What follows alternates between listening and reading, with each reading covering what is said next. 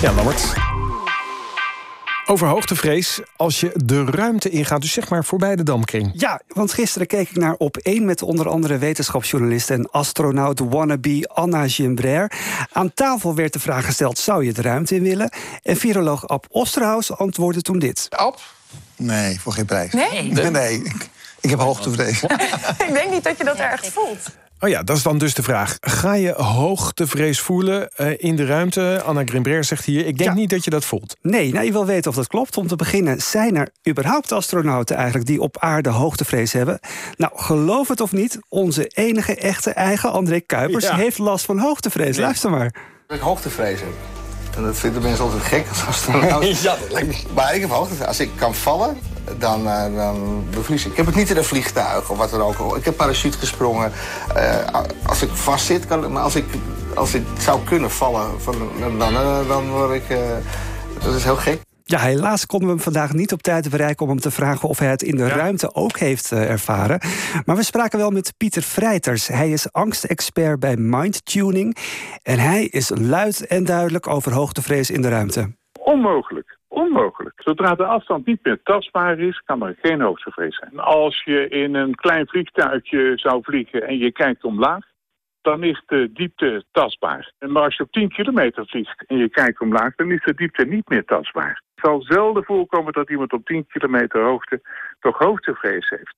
Maar gaan we nog een stukje verder en we gaan naar 50 kilometer hoogte, of 100 kilometer, of 1000 kilometer, ja, dan praat je niet meer over hoogte, dan praat je over, dan praat je over ruimte. Ja, en dan krijg je misschien pleinvrees. Goed, eh, als er geen hoogte en geen diepte meer is voor je gevoel... dan kan er geen hoogtevrees zijn. Dus duidelijk, lekkere korte feit of fictie, Lammert. Klaar. Nee, zo snel wil je niet van me af, want er is namelijk een belangrijke uitzondering. Hens Zimmerman heeft een wekelijke podcast over ruimtevaart en hij voegt eraan toe.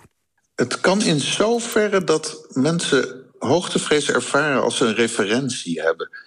Dus als je bijvoorbeeld boven een ruimteschip zweeft, een astronaut die een ruimtewandeling maakt, die kan dan toch opeens die, die sensatie van afstand ervaren en weer hoogtevrees krijgen.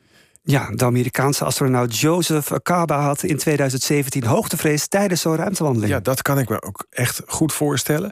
En als ze nou per raket naar dat eh, International Space Station toe gaan... kunnen ze dan ook hoogtevrees hebben? Ja, dat is toch zo'n slordige 400 kilometer van de aarde. Zimmerman zegt daar dit over.